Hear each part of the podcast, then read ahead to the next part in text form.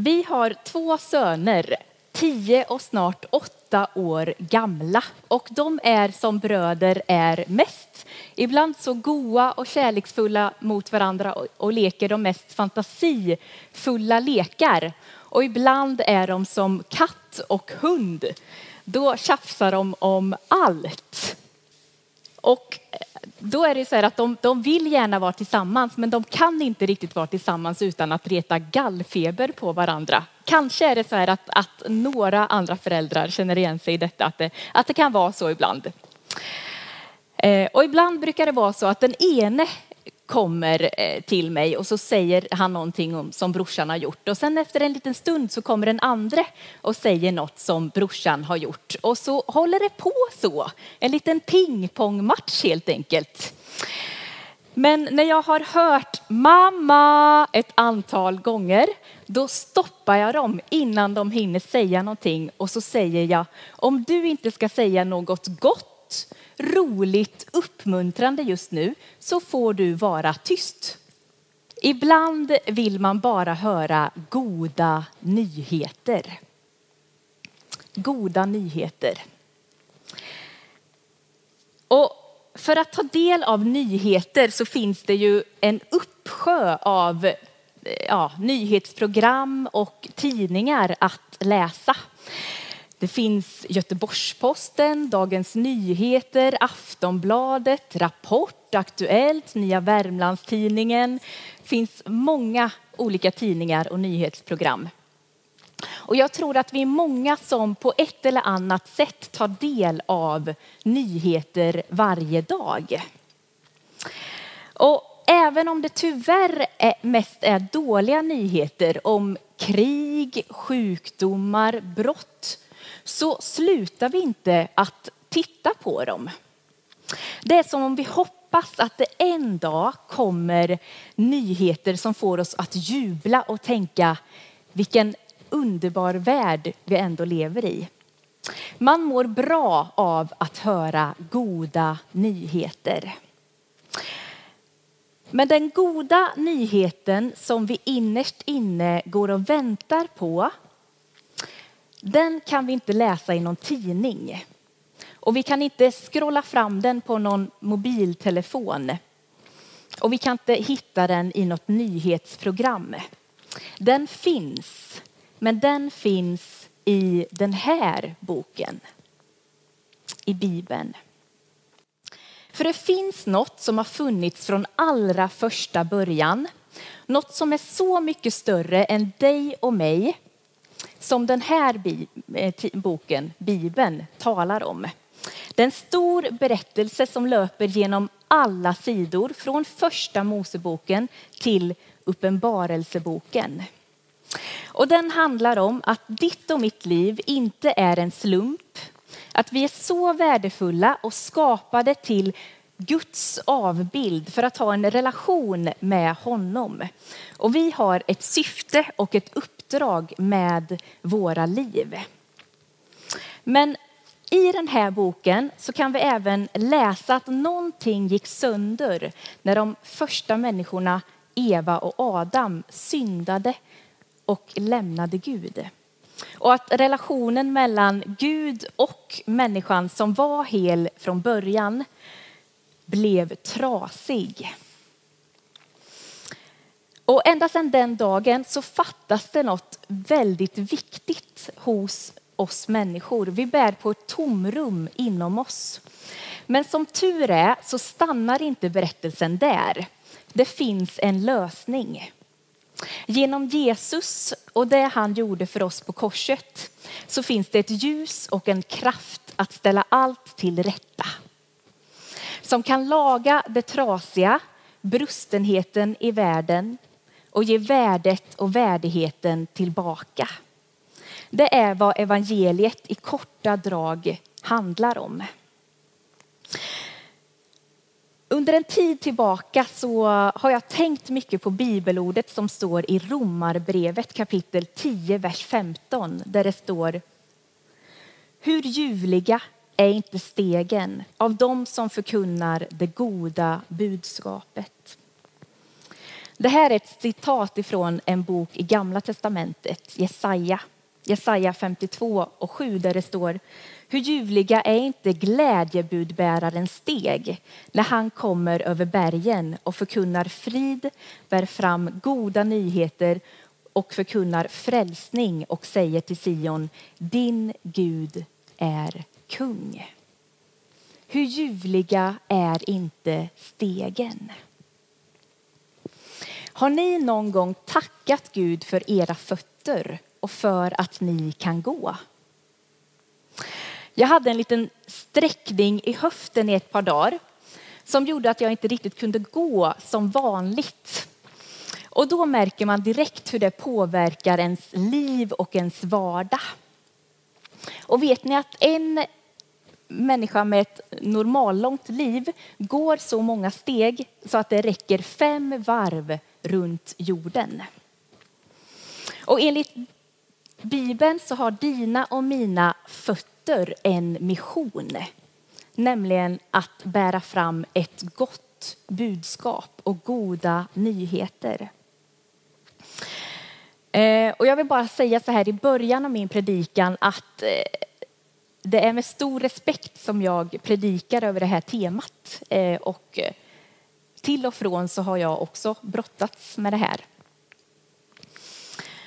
Bibeltexten som jag nyss läste, hur ljuvliga är inte stegen av dem som förkunnar det goda budskapet. Det är en bibeltext som finns att läsa i Romarbrevet. Och Romarbrevet skrevs av Paulus. Paulus en, var en apostel, brevskrivare och teolog som genom olika missionsresor förde evangeliet om Jesus vidare. Och brevet skrevs cirka 57-58 eh, i staden Korint i slutet av Paulus tredje missionsresa.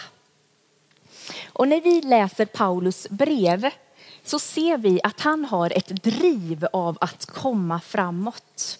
Han var ständigt på väg framåt. I Romarbrevet 15 så kan vi läsa om att han hade planer att komma till Rom för att sen fara vidare mot Spanien. Det fick liksom inte stanna av. Evangeliet måste vidare. Alla skulle höra de glada nyheterna om Jesus. Hur kom det sig då att Paulus var så ivrig att föra evangeliet vidare? För han hade mött Jesus så stark. Paulus han var på väg till Damaskus i Syrien. Och vi vet att han var någon sorts terrorist. Han var på väg för att förfölja kristna. Men då mötte han Jesus. Och vad gjorde han då? Jo, han började direkt berätta vad han hade varit med om. I Damaskus, i Antiochia, i Alexandria, i Rom, på många olika platser. För det mötet som han hade haft på vägen till Damaskus var så starkt. Han kunde inte hålla tyst om det han hade varit med om. Och så var det för många av Jesu lärjungar. Det de hade sett, hört och upplevt, det ville de föra vidare.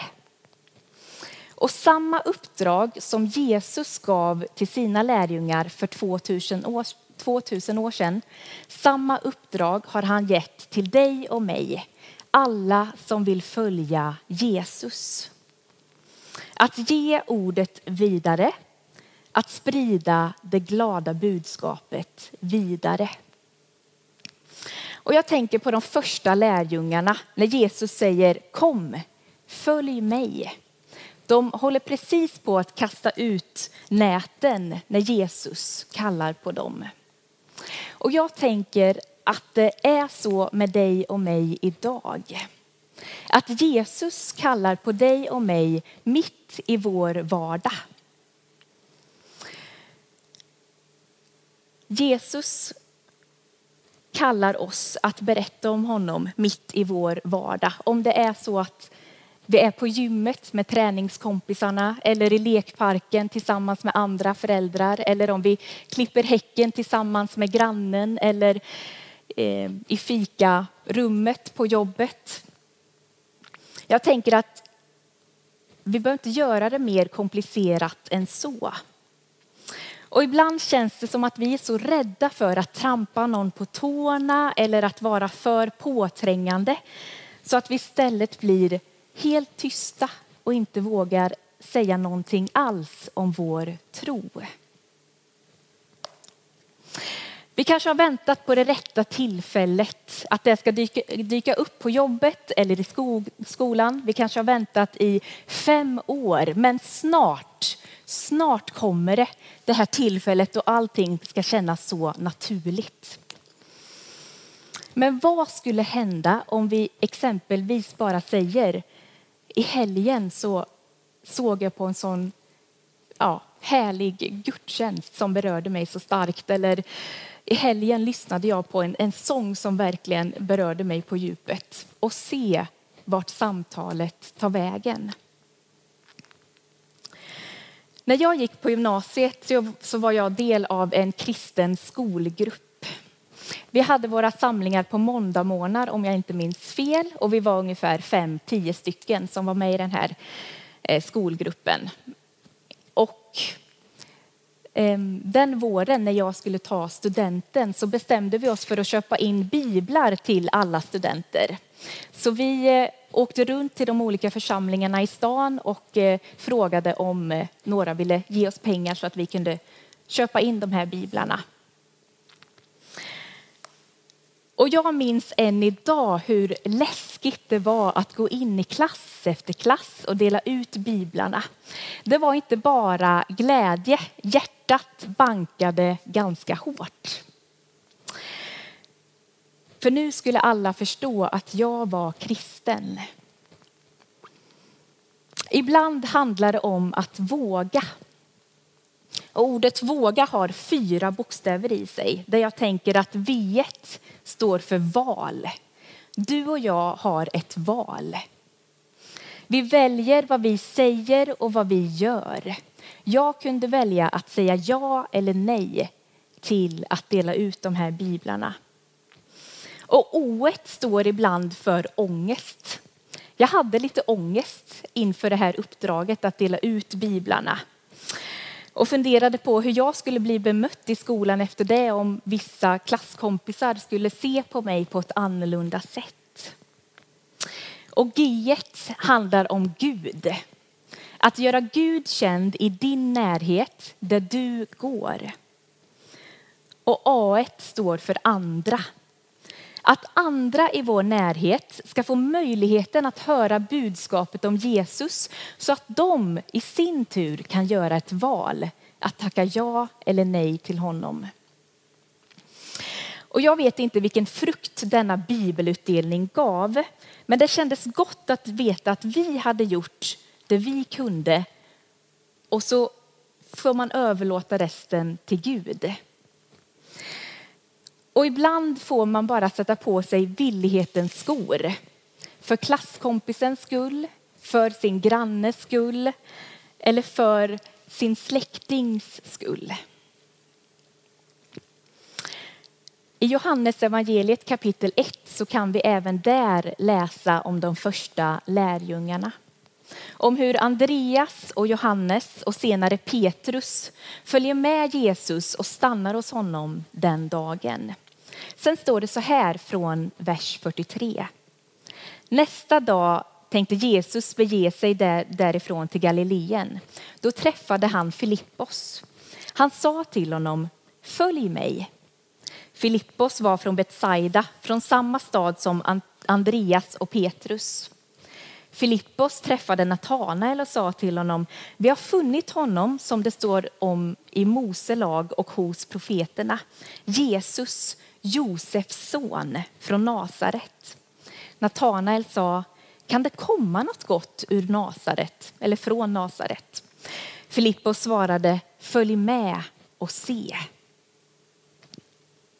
När Natanael får höra att Jesus kommer från Nasaret, då frågar han, kan det komma något gott från Nasaret?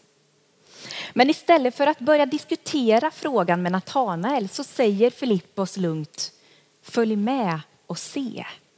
Han tar inte upp en diskussion. Han försöker inte sälja in Jesus eller försvara honom. Han delar bara sin egen upplevelse och uppmuntrar Natanael att själv se efter. Och det är så Natanael följer med. Av egen erfarenhet så vet jag att det är så lätt att hamna i en förklaringsprocess när man får frågor om ens tro.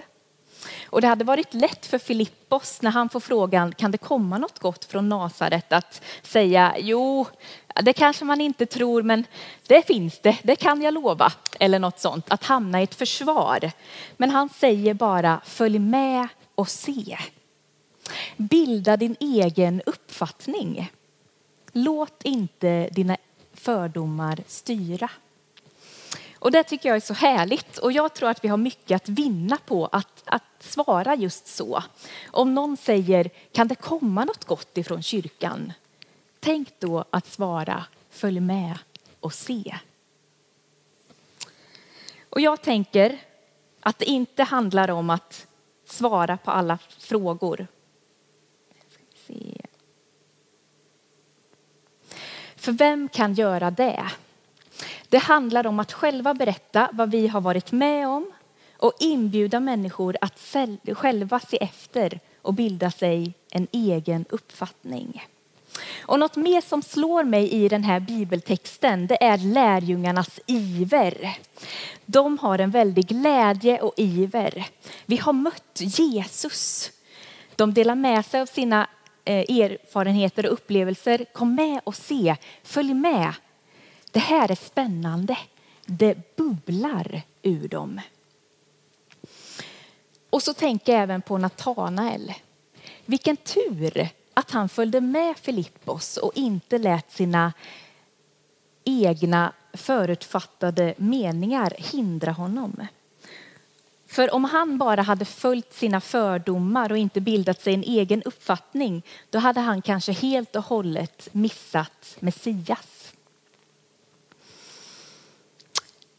Den här våren har en dans fullkomligt tagit över sociala medier. The Jerusalem Dance Challenge. Jag tror att vi är många som har sett den dansen. Och min man Samuel har eh, till exempel varit med och filmat och redigerat den på sitt jobb. Och jag blev nyfiken att veta vad texten handlade om så jag googlade fram den. Och när jag läste texten och sen såg alla dessa danser med människor från så många olika ställen och yrken som alla dansade till en och samma sång så fylldes mina ögon med tårar. Det blev verkligen ett vittnesbörd när jag såg sjuksköterskor, skolpersonal, eh, lärare, brandmän, poliser, gamla som unga dansa till den här texten. Jerusalem, mitt hem, behåll mig, gå med mig, lämna mig inte här, mitt hem är inte här, mitt rike är inte här. Och det slog mig så påtagligt att alla dessa människor är skapade till Guds avbild och att han har lagt ner evigheten i allas våra hjärtan. Och jag som är efterföljare till Jesus, jag tror ju att det här livet bara är en början på något så mycket större. Och texten till den här sången visar en tydlig längtan efter en djupare mening som jag tror att vi alla bär på. Och min bön och längtan är att vi ska få samma iver som lärjungarna hade på Jesu tid. Alla måste få höra de goda nyheterna. För det var och är något speciellt med Jesus. Det han sa och det han gjorde som drog människor till honom. Han svarade på deras innersta längtan. Jesus kunde bemöta människors innersta längtan oavsett klasstillhörighet, etnicitet, kön eller ålder. Och Jesus var tydlig med att det var inte för de redan rättfärdiga som han hade kommit utan för dem som inte kände honom ännu. Och eftersom alla människor bär på en brustenhet inom sig och jag tror att Jesus är svaret på hur denna brustenhet kan bli hel så är han relevant för alla människor. Och arbetsbeskrivningen som lärjungarna fick av Jesus den var kort och konkret. Ge ordet vidare. Och nu håller vi i stafettpinnen. Samma stafettpinne som lärjungarna på Jesu tid höll i. Vi har fått samma uppdrag. Nu är det vår tur att sprida goda nyheter. Kanske ska du och jag titta på våra fötter när vi vaknar och fråga oss vart ska vi gå idag? Till vem ska vi gå med goda nyheter? Och på vilket sätt kan vi sprida Jesu kärlek vidare? Vi ber tillsammans. Ja, tack Jesus för att du är här. Tack för att du älskar oss och du vill oss bara väl. Eh, tack för att du är lika relevant nu som för 2000 år sedan. Och tack för att du vill möta med var och en av oss och du vill att alla människor ska få lära känna dig. Eh, och jag bara ber att den heliga ande ska få leda oss eh, så att vi kan få föra det glada budskapet om dig vidare till våra grannar där vi är Jesus. Tack för att du alltid är med oss. I ditt namn vi ber. Amen.